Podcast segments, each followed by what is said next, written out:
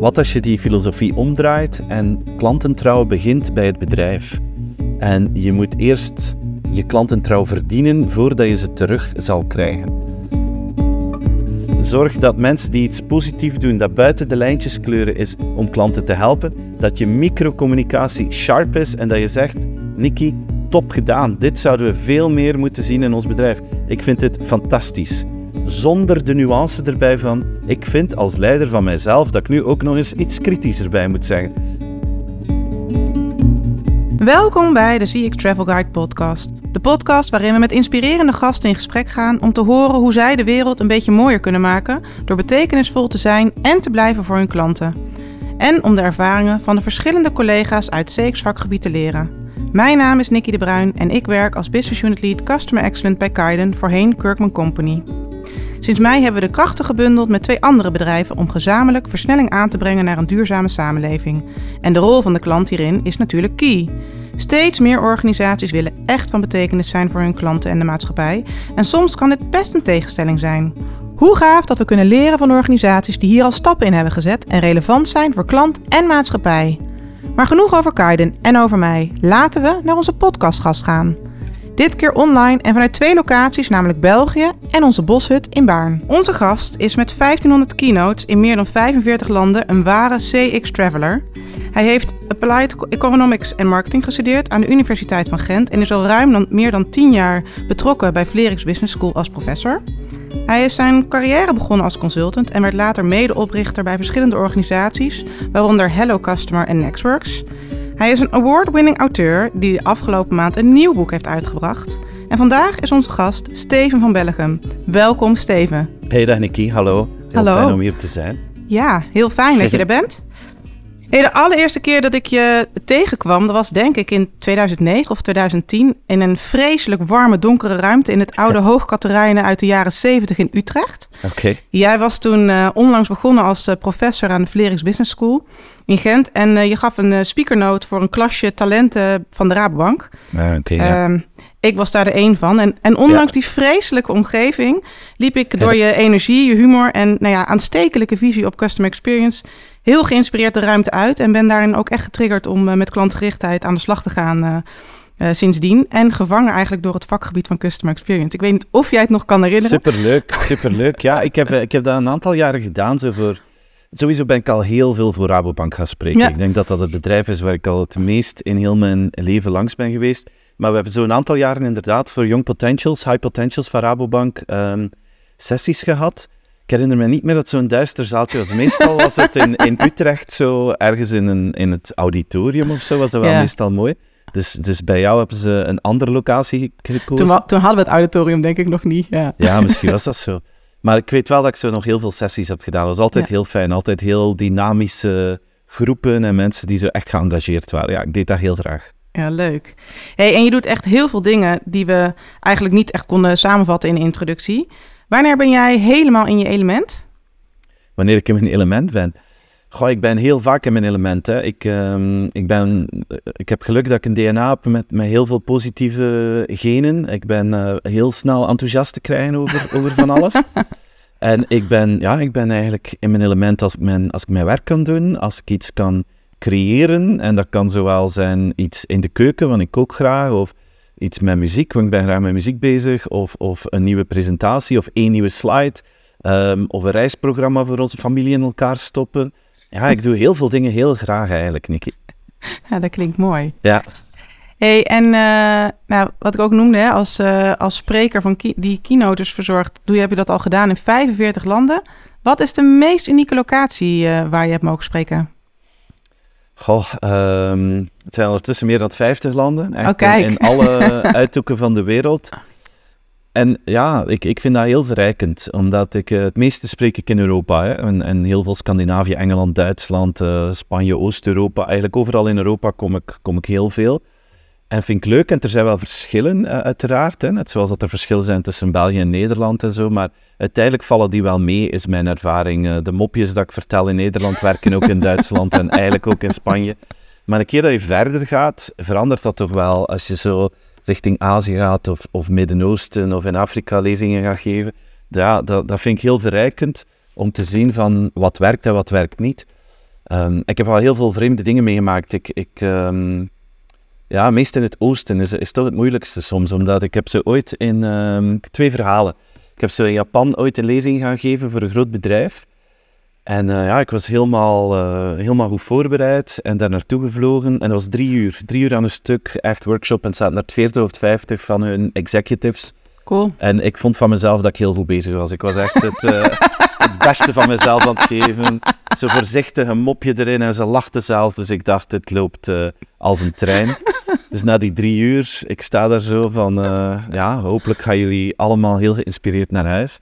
En ik stapte opzij, ja, en ze zaten zo in een U-vorm. En ik stapte opzij en ik, ik, ik vroeg iets aan een van die mensen die daar zat. En toen ontdekte ik dat, uh, dat die mensen geen Engels verstonden. En dat er eigenlijk van die veertig mensen maar drie waren die Engels verstonden en de rest moest daar blijkbaar bij zitten. En die keken blijkbaar naar die drie die wel Engels verstonden. En als die lachten, lachten die andere veertig mee. Dus ik had dat niet door. Hey, ik kan me dat niet inbeelden dat dat bij ons gebeurt. Hè. Dat moet je inbeelden dat jij drie uur naar een Japanner zit te luisteren in het Japans en moet doen alsof dat je mee bent en dat interessant vindt. En ik dacht, dat is heel, heel bizar. Dus dat was heel raar. En een, uh, een tweede heel rare anekdote, dat was in China. Toen waren wij daar met een groep, ik organiseer zo met ons bedrijf Nextworks, inspiratiereizen. Hè. Daar gaan wij overal naartoe. En ook op zeker moment naar China. Uh, veel in China geweest. Uh, maar een van de eerste trips in China hadden we daar een overeenkomst met een of andere ja, universiteit of een of andere instantie. En ze zeiden van, kijk, we gaan een, een ruil doen. Uh, wij gaan een aantal verhalen brengen naar jullie groep. Op voorwaarde dat jij ook een, verhaal, niet lang is, zeggen ze, het kwartier, twintig minuutjes, naar onze groep brengt. Maar dat was zo afgesproken dat we in een, in een klein meeting, een vergaderzaaltje gingen zitten. En het ging, wij komen met twintig mensen en het gingen daar misschien 10, 15 van die organisatie zitten. En ik had zo, ik moet eerlijk zijn, ik had zo rap iets voorbereid, omdat ik dacht, ja, dat, dat, dat komt wel, dat komt wel goed. Um, dus wij komen daartoe met die bus, zo weer ja, met 25 klanten van mij. En we stappen uit die bus en ik, ik zie zo op een groot plein, we gaan zo naar een groot gebouw en er is daar zo'n groot uh, plein voor. En daar hangen allemaal vlaggen. En ik zie levensgroot mijn eigen hoofd op die vlaggen staan. En ook mijn naam, zo maar op affiches van 10, 15 meter groot. Mijn naam en daaronder mijn hoofd. En ik dacht, oei, oei, oei. Dat, dat, ey, wat, wat, gaat, wat gaat dat hier zijn? Hè? Dus wij gaan daar binnen. En in plaats van een klein vergaderzaaltje wandelen wij daar een, een zaal binnen. Waar dat er denk ik ja, tussen de 500 en 1000 mensen klaar zaten. Die echt zo een, een full keynote van mij verwachten. Maar die, die spraken ook, ja, die spraken ook weer geen Engels. Maar ze hadden dat opgelost met een tolk. Dus je moet je inbeelden. Dus ik ga op dat podium gaan staan en ik dacht van, hopelijk komt dit goed, hè. Dus ik sta daar en ik begin. Maar dat was een, goeie, dat was een presentatie dat ik al veel gedaan had, dus ik kon dat goed, dat was geen probleem. Um, maar per zin die ik zegde, die ik zei, moest er iemand dat vertalen. Nou, dus ik had een presentatie van een kwartier, maar wat bleek, als ik een zin zeg in het Nederlands, in Chinees duurde dat dubbel zo lang. Dus ik stond daar, maar zo op een, echt op een groot podium, die zaal vol met volk. En ik begon en na vijf minuten dacht ik van, dat gaat hier drie kwartier duren door die vertaling. En ik zag ook niemand in die zaal luisteren naar mij. En Ook dat- niet, dat ondanks was- het Chinees dus. ja, nee, nul interesse. Ja. en dat, wa dat waren lange drie kwartier dat ik daar gestaan heb op dat podium. En ondertussen zaten mijn Vlaamse en Nederlandse klanten daar op die eerste rij in de VIP-seats. En die lagen plat van het lachen. Omdat die zagen hoe dat ik daar aan het sterven was. En achteraf zag ik zo in onze WeChat-groep, ja, hadden ze allemaal mopjes over mij zitten maken heel de tijd. Dus het was een unieke ervaring. Ja, dat Ja. zijn zo twee opmerkelijke verhalen dat ik toch, eh, ja, dat ik nog niet veel verteld heb, maar die, die, je moest erbij zijn om het eh, te zien hoe vreemd het was. Nou, is wel in ieder geval een, eh een supermooie eh, eh, customer experience voor de klanten die jij mee... eh, Ja, die hebben had iets eh, meegemaakt dat ze nog altijd heel levendig zich kunnen herinneren. Om de zoveel tijd komt dat, komt dat verhaal nog eens terug boven. Mooi. Hey, en naast ja, nieuwe visies op CX en innovatie, waar mogen we jou s s'nachts nog meer voor wakker maken? Goh, ehm, liefst niet voor niet te veel. Hè. Ik, slaap ook, ik slaap ook wel graag. Maar eh, ja, ik ben enorm geïnteresseerd in reizen en het eh, ontdekken van, van allerlei delen van de wereld. En als je mij vraagt wat vind je het leukst, ik vind eigenlijk ook weer daar alles leuk. Het is heel moeilijk voor mij om daar keuzes in te maken, omdat ik, ik vind heel veel dingen interessant. Ehm, ik ben ook enorm geïnteresseerd in, in gastronomie. Ik ga heel graag eh, lekker gaan eten en nieuwe dingen ontdekken en, en kijken van hoe dat ze daarmee aan de slag gaan. Ik ben ook ja, heel creatief graag bezig met schrijven. Ehm, ik heb naast mijn managementboeken heb ik uh, de voorbije vier jaar eigenlijk ook drie thrillers geschreven. Oh, cool. Die, die zich afspelen in de nabije toekomst, zo in de jaren 2040, 2045. En dat, um, dat, dat zijn eigenlijk, het is geen science fiction, het is meer reality fiction in de toekomst. Zo, ik wou eigenlijk op basis van alles wat ik de voorbije jaren gezien heb en gehoord heb, eigenlijk een soort verhaal maken dat zich afspeelt in de toekomst. Uh, maar als je dat leest, dat ik hoop dat de lezers denken, goh, dat zou wel eens echt kunnen, uh, kunnen gebeuren. Hm. En ik ben normaal heel positief in mijn verhalen en mijn keynotes en managementboeken, maar daar kon ik ze ook eens de dark side laten uh, bovenkomen. En dat vond ik wel leuk. Dus het is een verhaal, Eternal was de eerste. Dat gaat over brain implants eigenlijk, die, die dan fout gebruikt worden. Het tweede boek was The Upgrade, die gaat over DNA-manipulatie. En de derde was Hoogverraad. Die, die gaat meer over AI, maar dan op geopolitiek vlak, hoe dat daar ja, grote conflicten kunnen uit, uh, uit voortkomen. Dat, en dus daar heb ik mij enorm mee geamuseerd. Ik heb daar eigenlijk drie jaar mee, ik heb drie jaar aan elkaar telkens zo'n boek uitgebracht. En dat is eigenlijk bijna fulltime, niet fulltime, maar ik ben daar elke dag wel mee bezig geweest. Ik zat daarin en heeft enorm veel van mijn, van mijn creatieve mentale speelveld gevraagd. Ik ben er super blij mee, super trots op. Um, maar ik heb wel beslist, ik ga dat afronden, die thrillers, omdat ik anders te weinig ja, mentale creatieve ruimte heb op andere dingen te doen die, okay. die ook belangrijk zijn. Dus dat, dat was een heel, uh, heel leuk project waar ik ja, vaak s'nachts mee bezig geweest ben. In het donker. Ja. Hey, en, en kon je net zeggen, uh, ja, ik kan uh, heel lastig om te kiezen. Dat is niet ja. zo mijn ding, want ik vind heel leuk, heel veel dingen leuk.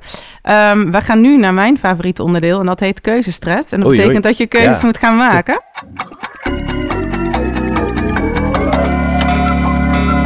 Nou, het werkt eigenlijk best wel simpel. De regels uh, zijn heel uh, eenvoudig. Ik ga je een aantal keuzes voorleggen waarbij je moet kiezen uit een van de twee. Oké. Okay. Um, nou, het kunnen leuke, makkelijke of moeilijke keuzes zijn. dus um, nou, daar gaan we. Ben je er klaar voor? Ja, ja, ik denk het, denk het. Helemaal goed. Start de klok. um, nooit meer kunnen horen of nooit meer kunnen praten? Oei, oei, uh, Nicky. nooit meer kunnen praten. Nooit meer een keynote geven of nooit meer een boek uitgeven? Nooit meer een boek uitgeven. Uh, een goede customer experience wordt het meest bepaald door de inzet van technologie of door cultuur? Cultuur. Innovatie bepaalt de behoeften van klanten of de behoefte van klanten bepaalt innovatie? Het zou moeten het laatste zijn. Hè? De behoefte van klanten bepaalt innovatie. Ja. Uh, in een ideale wereld heeft iedereen een customer experience team of hebben customer experience teams zichzelf overbodig gemaakt? Customer Experience Team zichzelf overbodig gemaakt. Uh, meer investeren in klantgerichtheid of meer investeren in verduurzamen? Meer investeren in klantgerichtheid. En op welk boek ben je het meest trots? Uh, je nieuwe boek, A Diamond in the Rough, of When Digital Becomes Human? A Diamond in the Rough. Dankjewel, dat waren de keuzes. ja, ja veel, veel uh, relatief mee. Ik kon heel snel kiezen. ja, heel ja, goed waren zo. Leuke, waren leuke dilemma's, ja. Hey, en als je, je geeft aan, hè, um, vanuit de keuzes, uh, hè, het zou moeten zijn dat de behoeften van de klanten de innovatie zouden bepalen. Kan je ja. daar iets meer over vertellen? Waarom je vindt dat dat zou moeten zijn? Want dat betekent dat dat misschien nog niet altijd zo is. Nee, wel, dat is, dat is ook logisch, omdat je hebt mensen binnen een bedrijf en die kunnen heel enthousiast worden van vernieuwing. Die, zien, die worden met heel veel geconfronteerd van nieuwe mogelijkheden en die worden enthousiast en die denken, oh, we kunnen dat en dat en dat doen. En het, het ontstaat vanuit eigen enthousiasme en vaak leidt dat ook tot, tot meerwaarde voor de klant, maar soms is dat ook iets wat eigenlijk een, um, ik noem dat een probleem dat een oplossing zoekt. Dat heb je ook heel vaak. Hè, van Ja. nu, of een, sorry, een oplossing dat een probleem zoekt. We hebben nu een oplossing, we gaan eens kijken als we nu ook een klantenbehoefte kunnen uitvinden. Um, maar je kan het ook omdraaien hè, en kijken van wat, wat zijn onderliggende behoeften. Ah, voor veel, veel mensen zeggen dan het klassieke voorbeeld van de quote van Ford, hè, waarbij dat er eigenlijk twijfel is of hij het ooit heeft gezegd. Maar goed, we kennen hem. Hè. Als je vraagt aan klanten wat ze willen, zeggen ze snel paarden. Hadden ze niet op de auto gekomen. Ik snap dat allemaal wel, maar ik, ik vind niet dat de behoeften van klanten invulling geven, betekent niet dat je letterlijk aan klanten moet vragen wat ze willen. Ik denk de, het talent die je nodig hebt, de waarde die je moet kunnen bieden als, als bedrijf, is begrijpen waar de klantenbehoefte ligt. Daarom zeggen ze niet letterlijk aan jou wat het is, maar jij moet het begrijpen. Je moet dat kunnen zien en dat vertalen naar welke innovaties nodig zijn. Uh, marktonderzoek is onvoldoende. Marktonderzoek is de data dat je binnenkrijgt, maar dan begrijpen wat is de onderliggende waarde. Gesprekken met mensen, vragen wat ze willen, is super, maar is onvoldoende. Het vertalen naar wat betekent dit nu echt, wat dat ze vragen, dat is dan de brug die een organisatie moet maken en dat bepaalt wat, waar, hoe dat je kunt innoveren op een uh, performante manier. Ja, Hey, en je gaf aan, hè, uh, um, meer investeren in klantgerichtheid in, in plaats van verduurzamen. Kan je dat toelichten? Zeker. Um, ik, heb daar research rond gedaan rond die offer you can't refuse. En uiteraard, mensen willen uh, goed behandeld worden, willen goede producten, willen van alles en nog wat. Willen ook dat bedrijven bezig zijn met duurzaamheid. Dus het is absoluut een behoefte van, van klanten. Maar wat je merkt is dat als de klant um, moet kiezen, ik spreek voor de meerderheid van de mensen, ik spreek niet over um, een kleinere groep, maar de meerderheid van de mensen wil nog altijd zelf heel graag goed geholpen worden. En als daarnaast er uh, duurzaamheid aan te pas komt, dan is dat een extra plus. Als je enkel de duurzaamheid hebt en je hebt niet de klantgerichte aanpak, dan haken heel veel klanten af. Het is uh, stel je voor, je gaat naar een restaurant en ze hebben echt een heel leuk concept. Hè. Ze, ze, nemen, ze gebruiken enkel ingrediënten die locally gesourced zijn van lokale boeren en lokale producenten, dus heel goed. Um, de mensen die daar werken zijn bijvoorbeeld ex-gevangenen die een tweede kans gekregen hebben. En als er eten over is, dan geven ze dat aan mensen die, die niet kunnen betalen om op restaurant te gaan. Dus fantastisch concept. Hè? Dat gaat verder dan duurzaamheid, maar, maar het heeft een heel mooie invulling. Dus jij wordt enthousiast, je gaat er naartoe. Maar je eerste gerecht dat je eet is heel, heel slecht. Het is eigenlijk niet, niet lekker is de kans heel klein dat je nog teruggaat. Zelfs al hebben ze een mooi verhaal. Dus um, voor mij was dat een heel makkelijk dilemma. Dus als je als bedrijf succesvol wil verduurzamen, wat belangrijk is, ja. dan is de weg daar naartoe om daar impactvol mee aan de slag te gaan, waarde bieden naar klanten, eerst op persoonlijk niveau. En dat creëert eigenlijk het podium, dat creëert het moment om daarna ook impactvol te zijn met duurzaamheid. Maar omgekeerd is dat veel minder impactvol. Ja. Dankjewel. Hey, uh, nou ja, uh, afgelopen maand is jouw uh, nieuwe boek ja. ja. Diamond in the Rough uitgekomen. Hoe is het idee voor dit boek ontstaan? Ja, um, dus, dus eigenlijk iets wat al een tijdje speelt bij mij. Ik heb al boeken rond nieuwe technologie uitgebracht en, en The Offer You Can't Refuse was vorig boek, was meer rond de klantenstrategie, echt een visie gaan ontwikkelen. Ik heb dat, het boek heeft heel goed gedaan, ik heb daar heel veel enthousiaste reacties op gekregen.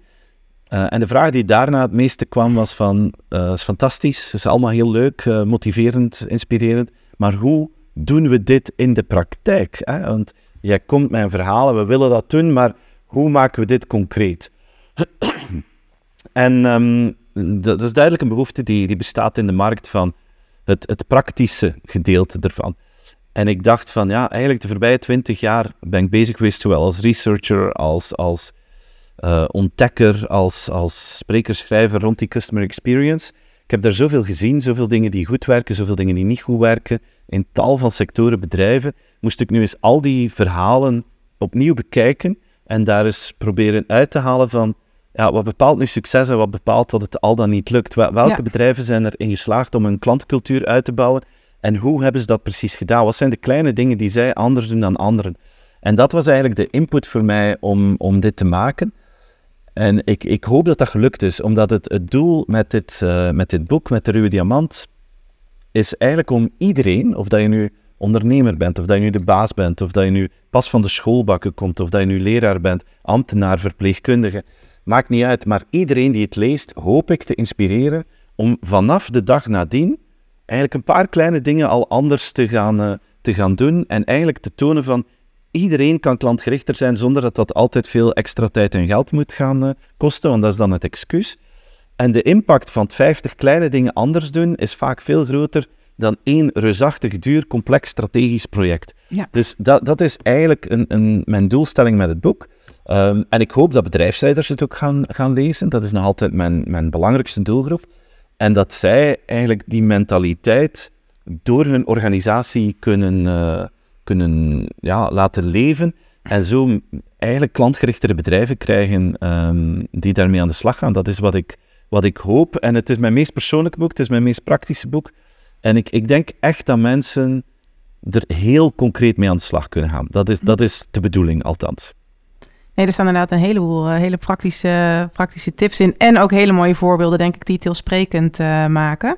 Hey, en welke inzicht of voorbeeld of element waarvan je echt dacht... ah, dat heb je echt opgedaan bij het schrijven van het boek?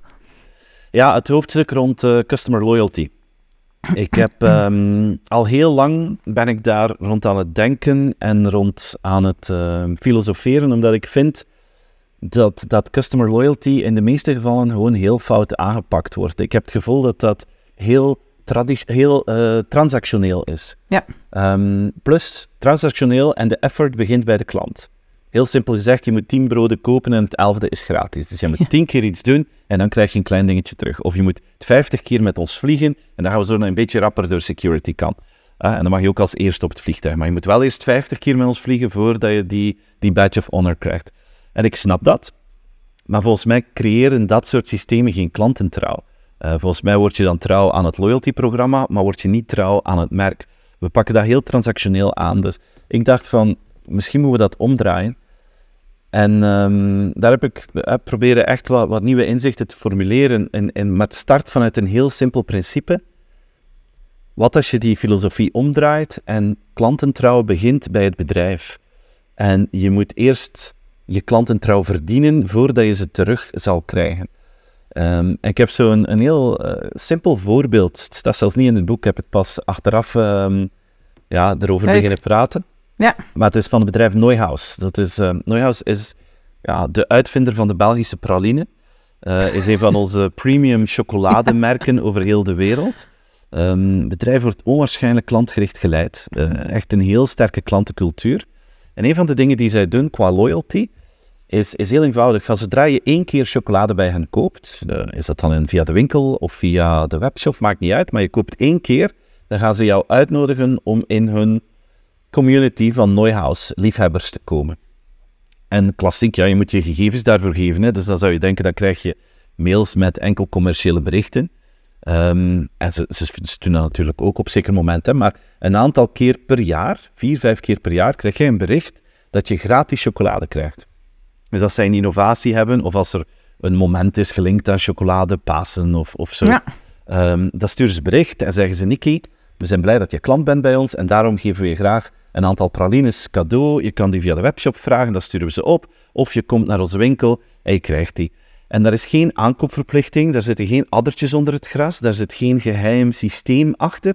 Je krijgt gewoon zonder enige voorwaarden vier, vijf keer per jaar gratis pralines van hen. En dat zijn dure pralines en je krijgt die gewoon. En, en dat, ik vind dat zo'n briljant, simpel idee. En dan kan je zeggen, ja, iedereen kan dat copy-pasten, maar dat blijkt dus intern heel gevoelig, dat soort dingen. Um, zelfs bij Neuhaus waren er mensen die zeiden, ja, maar ja, gratis pralines, jongens, dat zijn dure pralines en moeten de mensen dan niks kopen? En wat als iemand vijf keer met die voucher naar vijf verschillende winkels gaat, dan om deur geven we al ons pralines gratis. Dus zo de klassieke, dit klinkt gevaarlijk, uh, filosofie. Ja. Maar ze hebben gezegd, ja, we gaan dat wel zien. Hè. En als iemand vijf keer gratis pralines gaat halen, het zij zo, hè, dan, dan is dat maar zo. Dus wat gebeurt er? Ze doen dat nu al een paar jaar. Het zitten honderdduizenden mensen in dat systeem, krijgen gratis pralines die gaan daar naartoe, die gaan die ophalen. Maar na een tijdje, ja, mensen kopen spontaan. Hè? Die komen in die winkel, die zien leuke dingen. Als die aan een cadeautje denken, we hebben pralines nodig, denken die veel sneller aan Neuhaus dan aan de concurrent, want die geven ons iets. Dus de loyalty start bij het merk en de consument is daar dankbaar voor. En dat heeft een onwaarschijnlijk effect op hun loyaliteit. Ja. Um, net doordat het zo vrijblijvend is en kijk, wij zijn blij met jou als klant, jij krijgt dit gewoon van ons. Dat, is, ja, dat, dat werkt heel goed. En het is die mindset die ik heel interessant vind van wat als loyalty begint bij het bedrijf, wat zou je anders doen? En krijg je niet zo een betere vorm van loyaliteit dan dat je verwacht dat klanten eerst heel veel voor jou gaan doen en jij dan een klein beetje teruggeeft? Ja. Mooi, mooi inzicht inderdaad. Hey, je gaf al aan, hè? cultuur zit ook vaak in kleine, soms uh, ontastbare dingen. Hoe kan je dan impact schalen en klantgerichtheid echt integreren in de manier van werken van een organisatie? Um, ja, dat is een heel, uh, heel goede vraag. Het, um, ik denk dat je veel mensen kunt betrekken als het gaat over, laat ons kleine zaken verbeteren bij klanten. Een van de dingen die heel goed werkt, ik werk al lang met dat concept, is friction hunting. Ehm, waarbij dat je eigenlijk zegt van kijk, we gaan nu eens met een aantal mensen van, van een team samen zitten, vier, vijf mensen en niet meer. En we verplichten ons om, om 10 tot 20 kleine fricties op te schrijven. Echt kleine dingen. Ja. mag niet zijn, ons facturatiesysteem werkt niet. Nee, nee, wat precies dan? Schrijf Ja, dan liever drie of vier kleine dingen op van dat facturatieproces. Dus hoe kleiner, hoe beter. En dan heb je die lijst en dan zeg je, we gaan het opsplitsen in twee. Makkelijk op te lossen, moeilijk op te lossen. En makkelijk op te lossen, de definitie daarvan is, binnen de drie à vier weken kunnen we met weinig middelen die fricties verwijderen. En dan zet je er ook een naam naast. Dan zeg je van, eh Nicky moet die doen, Steven moet die doen, Peter gaat die doen. En dan hebben we een engagement aan elkaar. Binnen twee weken komen we terug, gaan we terug hier samen zitten en dan gaan we dat oplossen. Eh, stel dat je ergens tegenaan loopt dat het toch moeilijker is dan verwacht, dan bespreken we dat daar ook en zien we wat mogelijk is. Maar we gaan daarmee aan de slag. En als je zo'n cultuur krijgt dat je verschillende mensen daarmee aan de slag laat gaan, dan krijg je een soort van beweging. Ehm, en het voordeel van die filosofie is dat je snel resultaat hebt. En mensen zijn gewoon, zeker in grote bedrijven, dat, dat iets lang duurt. En dat het negen maanden doorlooptijd is en een jaar. En ondertussen veel negatieve energie en sleuren en trekken. Als je dan plots met iets komt dat je op twee weken een resultaat begint te krijgen, medewerkers vinden dat superleuk. Eh, klanten beginnen na een tijdje te merken van, hé, hey, er verandert iets. En dat, dat creëert een soort vibe, waardoor die cultuur verandert en waarbij dat je op een heel andere manier met z'n allen gaat kijken naar, ehm, naar die klant. En je hebt zo'n beweging nodig in je, in je organisatie. Dat is, dat is één ding dat je kunt doen. Het tweede is ehm, nadenken hoe je zoveel mogelijk medewerkers rechtstreeks kunt confronteren met klantenfeedback. Ja. Ik heb net een eh, fantastisch verhaal gehoord van AG Insurance, een Belgische verzekeraar. En die hebben een Sound of Sea eh, project opgestart. Sound of Sea, Sound of the Customer. Ja, Ehm, en heel simpel, maar heel indrukwekkend. 200 medewerkers komen één, houden een dag vrij in hun agenda. En die gaan van diverse afdelingen, eigenlijk mensen die niet, normaal niet met klanten werken, die gaan die dag allemaal telefoneren naar klanten, naar eindklanten. Eh, want zit daar eigenlijk nog een soort eh, distributienet tussen, maar ze bellen rechtstreeks naar eindklanten met de eenvoudige vraag van, wat vinden jullie van ons? Eh, wat doen we goed? Welke processen lopen goed? Waar, waar kunnen we nog een, nog een beetje beter spelen? Wat, wat vind jij leuk? Wat vind jij niet leuk? En ze laten hun medewerkers die telefoons doen. Let op, dat is, dat is voorbereid. Hè? Die medewerkers krijgen ook een soort training in het begin van de dag van hoe pak je zo'n gesprek aan. In het begin is dat een beetje onwennig, maar dan beginnen ze eraan. En dan ontdekken die medewerkers zo van, hey, eigenlijk die klanten vinden dat blijkbaar nog leuk dat we dit doen. En ze vinden het ook nog fijn dat ze feedback mogen geven. En daarna schrijven ze hun learnings op, sturen ze nog een, een kaartje naar die mensen. Dat is zo'n kaartje die je in Ja. de tuin stopt en groeit er een mooi boeket bloemen uit. Dus het zat heel mooi in elkaar. Ehm, dus het was goed voor die klanten. Maar intern heeft dat een onwaarschijnlijke impact, want dan heb je plots mensen van IT en van de boekhouding en van finance, ehm, die rechtstreeks met een klant gebabbeld hebben, die de oes en de a's, de feedback, rechtstreeks gehoord hebben. en gevoeld. En Ja. gevoeld, en gevoeld Ja, inderdaad. Eh, je kunt zeggen, ja, we gaan een market research eh, project doen, wat, wat heel goed is. Hè? Dat is fantastisch dat je dat doet. En we gaan het rapport delen met iedereen. Ja, dan zie je grafieken en Excel-sheets. Heel interessant, ik ben daar voorstander van. Maar dat is niet hetzelfde als daar rechtstreeks gehoord hebben uit de mond van een klant. Ja. Ehm, en dat soort zaken, dat in jouw organisatie daar tijd voor maken, dat belangrijk vinden, zo schaal je die, die cultuur in een bedrijf. Hè. Nou, mooi. Ja, je schrijft ook dat eh, nou, meer dan de helft van de consumenten verwacht dat bedrijven ook echt wel die maatschappelijke meerwaarde gaan leveren. hè? En, eh, Ja. en dat voor bedrijven climate change echt een topprioriteit is. Eh, en tegelijkertijd geven deze bedrijven dus ook aan dat ja, consumenten niet zo, niet, nog niet bereid zijn om minder te betalen of minder service te willen ontvangen of minder variatie in een aanbod te willen hebben. Hoe kijk jij aan tegen dit ja, eigenlijk prisoners dilemma dat bedrijven ervaren? Ja, het is een hele moeilijke, omdat, ehm, omdat, het, omdat je aanvoelt dat duurzaam werken waarschijnlijk geen premium pricing zal met zich meebrengen. Het zal waarschijnlijk geen extra marktaandeel opleveren. Het zal heel snel een minimumvoorwaarde worden, zeker in Europese markten. Ja. Dus het zal heel moeilijk zijn om daarmee uit te pakken, tenzij dat je een bedrijf bent waarbij dat, dat echt in de core ehm, zit. Dus eh, bedrijven gaan daar een beetje slim moeten mee, mee omgaan en ook aanvaarden dat dat zo is, dat de markt dat verwacht, maar dat je daar geen applaus meer voor krijgt, maar enkel boegeroep als je het niet doet. Ja. Hè, dat, is, dat, dat is de situatie daar waar we komen. Wat, wat de manier is om daar nog mee te werken, is, ehm, je hebt heel die lijst van die wat is het? Die, eh, SDG's? SDG's, ja, Ja. heel die lijst, oneindige lijst. Ik denk het, ehm, wat, wat, wat niet goed werkt, is in alles gemiddeld proberen zijn. Ik denk dat je moet zoeken binnen die SDG's van welke daarvan zijn van nature aansluitend bij de business waarin wij zitten. Ja. Als je met voeding bezig bent, food waste, dat, dat soort linken, makkelijk te vinden. En dan denken van, hoe kunnen wij hier op, op dit gedeelte echt een verschil gaan maken? Ehm, en liefst op een manier dat de klant er ook bij betrokken is, want dan weet de klant het ook. Dan is de klant ook onderdeel daarvan. En de klant vindt het ook zelf leuk om te weten of betrokken te zijn bij duurzaam gedrag. Ja. Dat is veel beter dan iets on the side. En, en dan kan het zeker nog een impact hebben dat klanten dat heel fijn vinden dat je daarmee aan de slag gaat. Dus het is een stuk kiezen, die link leggen naar het merk en dat op een manier invulling geven dat dat ook voor de klant leuk en zinvol is. Dankjewel. Hey, en eh, in je boek heb je het ook over microbeslissingen, kleine dagelijkse beslissingen die leiders maken. Ja. Ehm, we zien dat veel organisaties het echt wel moeilijk vinden om klantbeleving mee te nemen in hun dagelijkse beslissingen. Hoe kan je dit het beste aanpakken of, of überhaupt hiermee beginnen?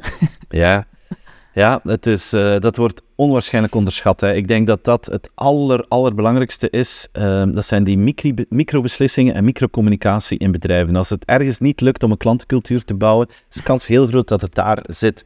Het heeft te maken met ehm, kleine zaken die leidinggevenden al dan niet doen of zeggen. En, en we hebben dat allemaal meegemaakt. Hè. Heel, heel simpel voorbeeld, beeld je in. Jij bent de medewerker, Nicky, en, en je wil je best doen, je wil goede dingen doen voor klanten. Er is iets geweest, een, een akkefietje, een probleem. Maar jij hebt dat opgelost. Je hebt daar een uur extra tijd in gestopt. Je hebt ook nog een kleine investering moeten doen, tegemoetkoming van 30 of 40 euro. Maar het gevolg is, je hebt een mail gekregen, klant is lovend, jij bent blij, je toont dat aan iedereen van kijk eens, het werkt toch als je extra je best doet. Iedereen is trots op jou. Dat, dat verhaal gaat rond in het bedrijf. Jouw leidinggevende of misschien de grote baas die komt langs en die zegt, Nick, ik heb gehoord dat jij iets eh, eh, fantastisch gedaan hebt naar klanten. Jij bent blij, oh, erkenning, dus je toont dat. En de, je leidinggevende vraagt, hoe heb je dat gedaan? Ah, ik heb tijd, extra tijd ingestopt. Kleine tegemoetkoming, maar kijk, dit is het resultaat. Als de leidinggevende dan zegt, Nicky, fantastisch gedaan, heel goed, ik ben blij dat die klant tevreden is, echt, eh, echt goed gedaan. Alleen de volgende keer moet je misschien oppassen met die tegemoetkoming, hè, dat we dat toch niet aan alle klanten zo gaan doen, want anders, allee, wie weet waar dat eindigt. Maar ik zeg het opnieuw, heel goed gedaan, top, top, top gedaan. Dus dat, dat soort dingen, ik heb al zoveel gehoord. En de leidinggevende gaat weg en die denkt, ik heb niet anders dan complimenten gegeven. en jij blijft achter en ik denk, ja, ik denk, ja, ik ga dat nooit meer doen. Hè. Die is boos dat ik hier 30 euro heb eh, uitgegeven. Dus ja, Ja. ik krijg hier, dit gaat slecht zijn voor mij, dus dit doe ik niet meer. En dan kan diezelfde leidinggevende workshops organiseren, powerpoints rond klantgerichtheid. Maar jij zit in die zaal en jij denkt, je meent het niet, ik geloof het toch niet. Door dat ene zinnetje. En dat wordt zo onderschat, hè. Microbeslissingen, microcommunicatie maken of kraken de customer culture. En ik denk dat dat iets is echt voor leidinggevenden. En dat is niet enkel voor topmanagement. Hè. Het zijn heel veel leidinggevende ja, mensen. zeker. Iedereen die, die leiding geeft, zich daar enorm bewust van zijn van de impact van een zinnetje.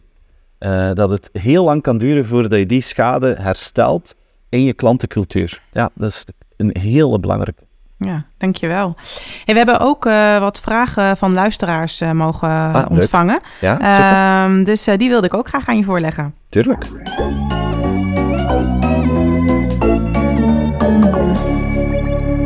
Annika vraagt zich af hoe jij de rol van bedrijven ziet en daarbij customer experience, ehm, hoe die veranderen nu klanten steeds meer verwachting, verwachten dat bedrijven ook het juiste doen voor de wereld en niet alleen voor hen als klant. Dus wat Ja. is de rol van bedrijven daarin?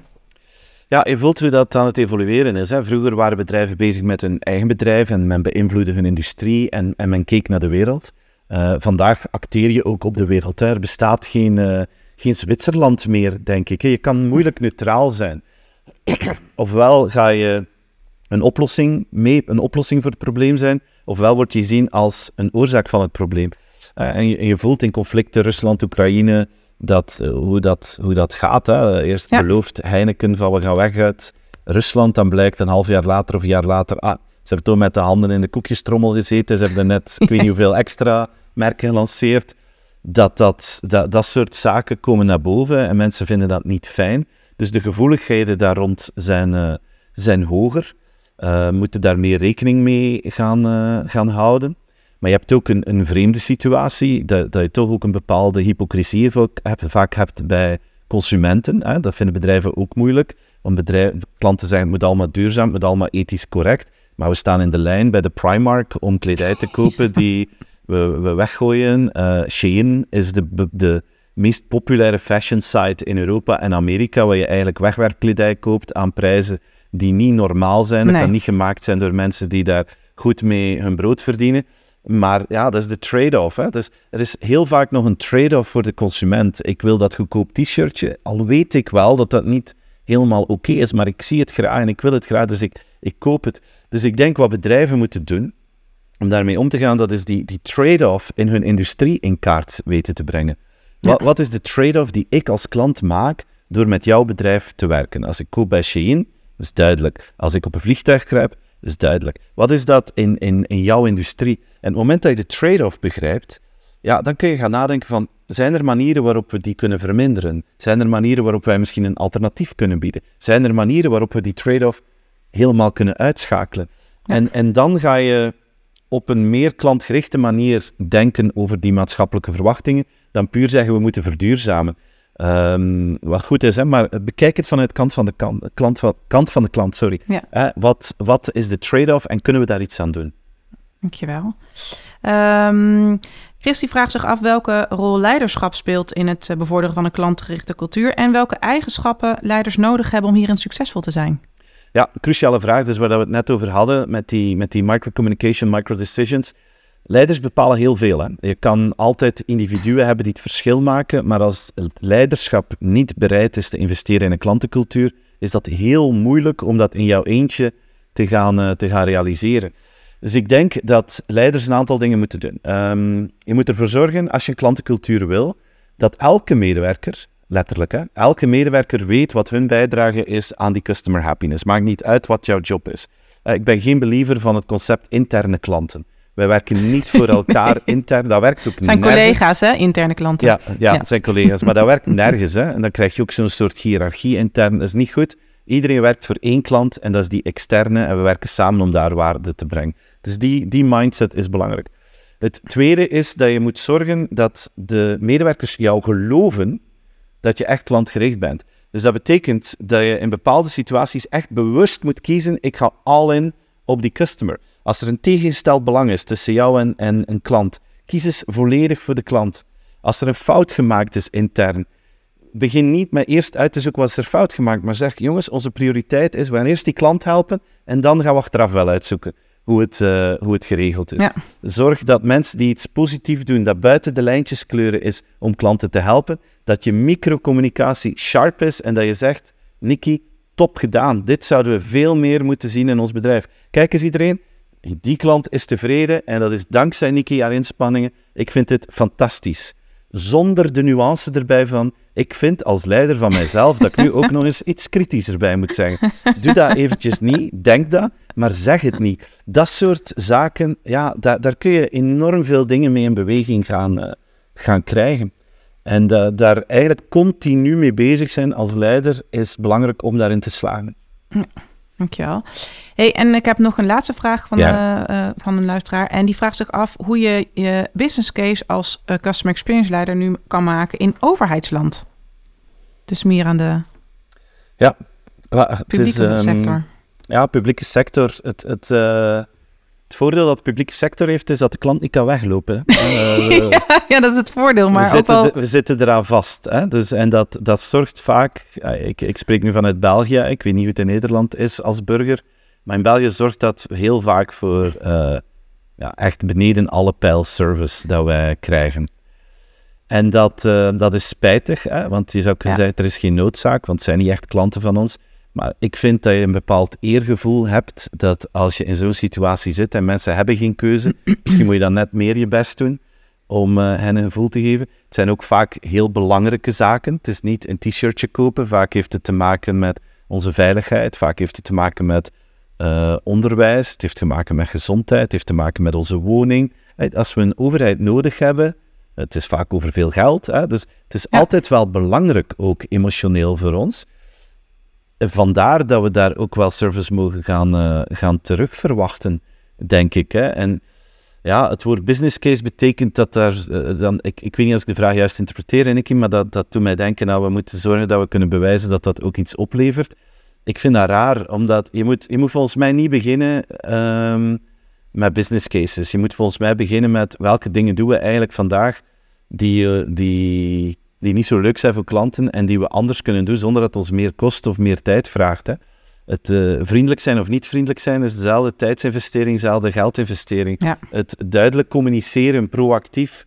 Meestal bespaar je tijd. Hè? Meestal door proactief te communiceren heb je geen, dan heb je geen wachtlijn in een contactcentrum, omdat de mensen het al weten. Dus je kan eigenlijk heel veel doen waar je helemaal geen business case voor nodig hebt, die de service gaat verhogen, die zelfs kosten intern gaat verlagen, door het algemene niveau ietsje hoger te gaan tillen.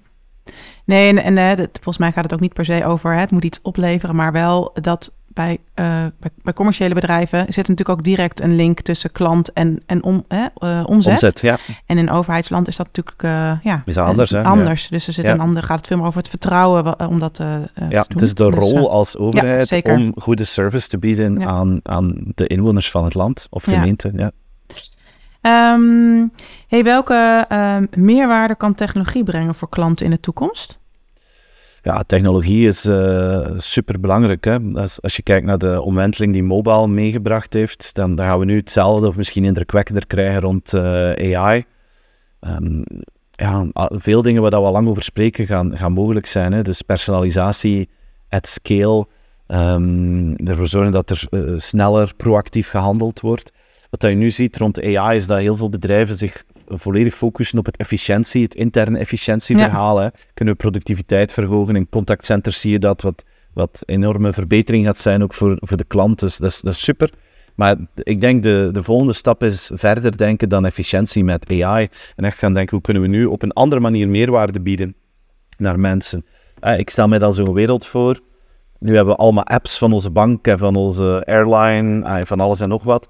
Maar dat dat allemaal een soort van personal assistants worden. Hè? Dat dat geen app is, maar dat ik mijn, mijn voedingscoach heb, dat ik mijn finance coach heb, dat ik mijn travel coach heb, die, dat ik gewoon dingen aanvraag en die worden dan op een veel gebruiksvriendelijker manier, veel gepersonaliseerde manier dan vandaag aangepakt. Alle bedrijven zijn dat nu wat aan het ontdekken, dus ik denk als we nu nog een jaar of twee, drie geduld hebben, dat we wel in een volledig nieuwe fase gaan zitten met die AI in onze dagelijkse experience qua klant. Ik denk het eerste dat we gaan zien veranderen, daar zijn de searchboxes hè, op, op internet, zoals de ja. Google Box of bij Amazon. Nu is dat nog heel transactioneel, een lijst als output. Ja. Maar dat zal veel meer ChatGPT-achtig worden, dat jij zegt van kijk, dit is wat ik zoek. En dat je dan niet de oneindige lijst krijgt dat je moet doorploeteren, maar dat je veel gerichter advies krijgt, zoals we nu bij ChatGPT eigenlijk al zien. Ja. Maar dan kan ik me inbeelden dat we dat in elke searchbox gaan krijgen binnen dit en 24 maanden bijvoorbeeld. En is het ook een, uh, een aspect waar organisaties, hè, waarin ze zich juist onderscheidend uh, kunnen laten uh, ja, kunnen zijn richting hun klanten, zeg maar? En Tijdelijk. de markt? Tijdelijk, denk ik. Okay. Um, dat is zoals in het begin met, met websites en mobile. Je had er een aantal die daar heel vroeg in waren, die daar goed in waren en die op die manier een voorsprong genomen hebben. Ja. Vandaag is het moeilijk om je nog via mobile te gaan onderscheiden hè, ten opzichte van ons. Um, en je hebt altijd die curve. In het begin vinden wij iets wauw en dan vinden we het normaal. En dat gaat sneller en sneller. En hoe meer we die technologie gebruiken, hoe sneller dat gaat.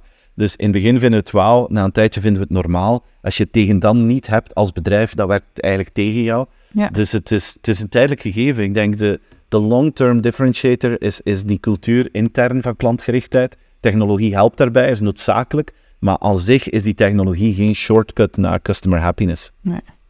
Nee, en de samenwerking tussen mens en technologie zal inderdaad ook hè, die, die efficiëntie brengen wat je aangeeft. En Ja. de productiviteit van, van medewerkers eh, en schaalbaarheid verhogen. Welke, wat vraagt dat eigenlijk voor nieuwe skills van medewerkers? Ehm, ja, dat is een heel, een heel goed punt. Ik, ik denk een van de belangrijkste dingen zal critical thinking zijn.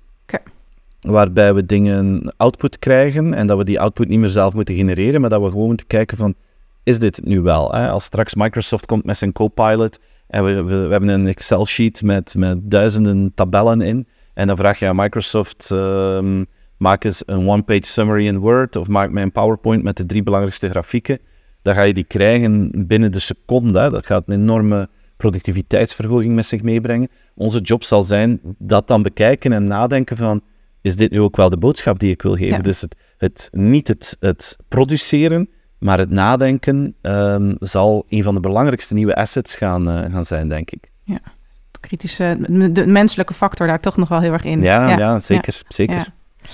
Hey, we zijn alweer bijna aan het einde uh, gekomen van, uh, van deze podcast. Maar als je één tip mag kiezen uit je nieuwe boek om mee te geven aan onze luisteraars, welke is dat dan? Dat is een moeilijke vraag, hè? ja, keuzes, hè? ja, keuzes. ik, ik zou iets doen uh, rond positiviteit. Ik denk dat, er, um, dat wij onderschatten welke nood er is in de wereld aan positiviteit. Er zijn heel veel negatieve, uh, bangmakende berichten altijd op, uh, in de media en, en daarbuiten. Ik denk dat je als bedrijf moet beseffen, positiviteit is heel belangrijk. En is gewoon een, is een heel concrete, simpele tip, hè, maar eens kijken naar je eigen communicatie. Ook als er iets negatiefs moet verteld worden, van hoe kunnen we, daar, hoe kunnen we die positiviteit daarin laten terugkomen in alles wat wij doen? Hoe kunnen we dingen leuker gaan maken qua standaard communicatie? Als je een winkel hebt en er hangen bordjes met wat je al dan niet verwacht van klanten, um, ja, kun, kun, je dat, kun je dat grappiger maken bijvoorbeeld. Hè? Dus op, op die manier is gewoon naar alles kijken wat je doet, van hoe kunnen wij dit leuker, vrolijker gaan maken, positiever gaan maken voor onze klanten. Nou, dankjewel. Hey, dit, uh, dit, was ons, uh, dit was de podcast alweer. Uh, onwijs bedankt, bedankt voor dit superleuke gesprek. En super bedankt dat je onze gast wilde zijn vandaag. Met heel veel plezier. Ik ben blij dat je mij uitgenodigd hebt. Ja, dat is echt heel leuk. Dus ik heb heel hard gelachen ook om je voorbeelden. En um, ja, ik ga hier met een hele positieve energie de dag verder in. Fantastisch, Nicky. Dankjewel. Ja. Veel succes met de podcast en dankjewel voor de uitnodiging. Oké, okay, dankjewel hè. Bye bye. Hey, fijne dag. Wat een super inspirerend gesprek was dit met toch wel een van de meest inspirerende CX-goeroes uit in ieder geval Europa. Wat neem ik mee uit dit gesprek? Ten eerste, een klantencultuur maakt een bedrijf onderscheidend en uniek. En om dit tot een succes te brengen zijn drie dingen essentieel. Het eerste is door met een klein team kleine problemen op te lossen in korte tijd. Hierdoor ontstaat een soort positieve mindset dat echt een beweging op gang kan brengen binnen een organisatie. Medewerkers en klanten gaan het dan ook echt merken. Het tweede is om zoveel mogelijk medewerkers te betrekken in klantfeedback. Ook medewerkers die normaal geen contact met klanten hebben. Hen feedback van klanten op laten halen, zodat ze de feedback van klanten echt gehoord en gevoeld hebben, rechtstreeks uit de mond van een klant. En het derde is de microbeslissingen en microcommunicaties maken of kraken de customer culture. Geef als leider alleen de complimenten als een medewerker die extra stap heeft gezet en hou de goed bedoelde adviezen even wat het is. Een ander prikkelend inzicht is dat je de meest gebruikte filosofie rondom customer loyalty helemaal om zou moeten draaien. Namelijk dat klantentrouw bij het bedrijf begint. Je dit eerst moet verdienen voordat je het terugkrijgt. Daardoor krijg je echt klantentrouw aan je merk in plaats van aan je loyalty-programma. En er is echt geen Zwitserland meer. Je zult als bedrijf je verantwoordelijkheid moeten nemen. Je bent namelijk of onderdeel van de oplossing of wordt gezien als het oorzaak van het probleem. Als je succesvol wilt verduurzamen, wat echt belangrijk is, dan is de weg daar naartoe waarde bieden naar klanten op persoonlijk niveau. En dat creëert dan het momentum en het podium om impactvol te kunnen zijn met duurzaamheid. Dank voor het luisteren naar onze podcast. Wil je meer weten over deze podcast of andere podcasts van Kaiden? Kijk dan op kaiden.com slash podcast. Kaiden schrijf je K-Y-D-E-N. Hartelijk dank en hopelijk tot de volgende keer.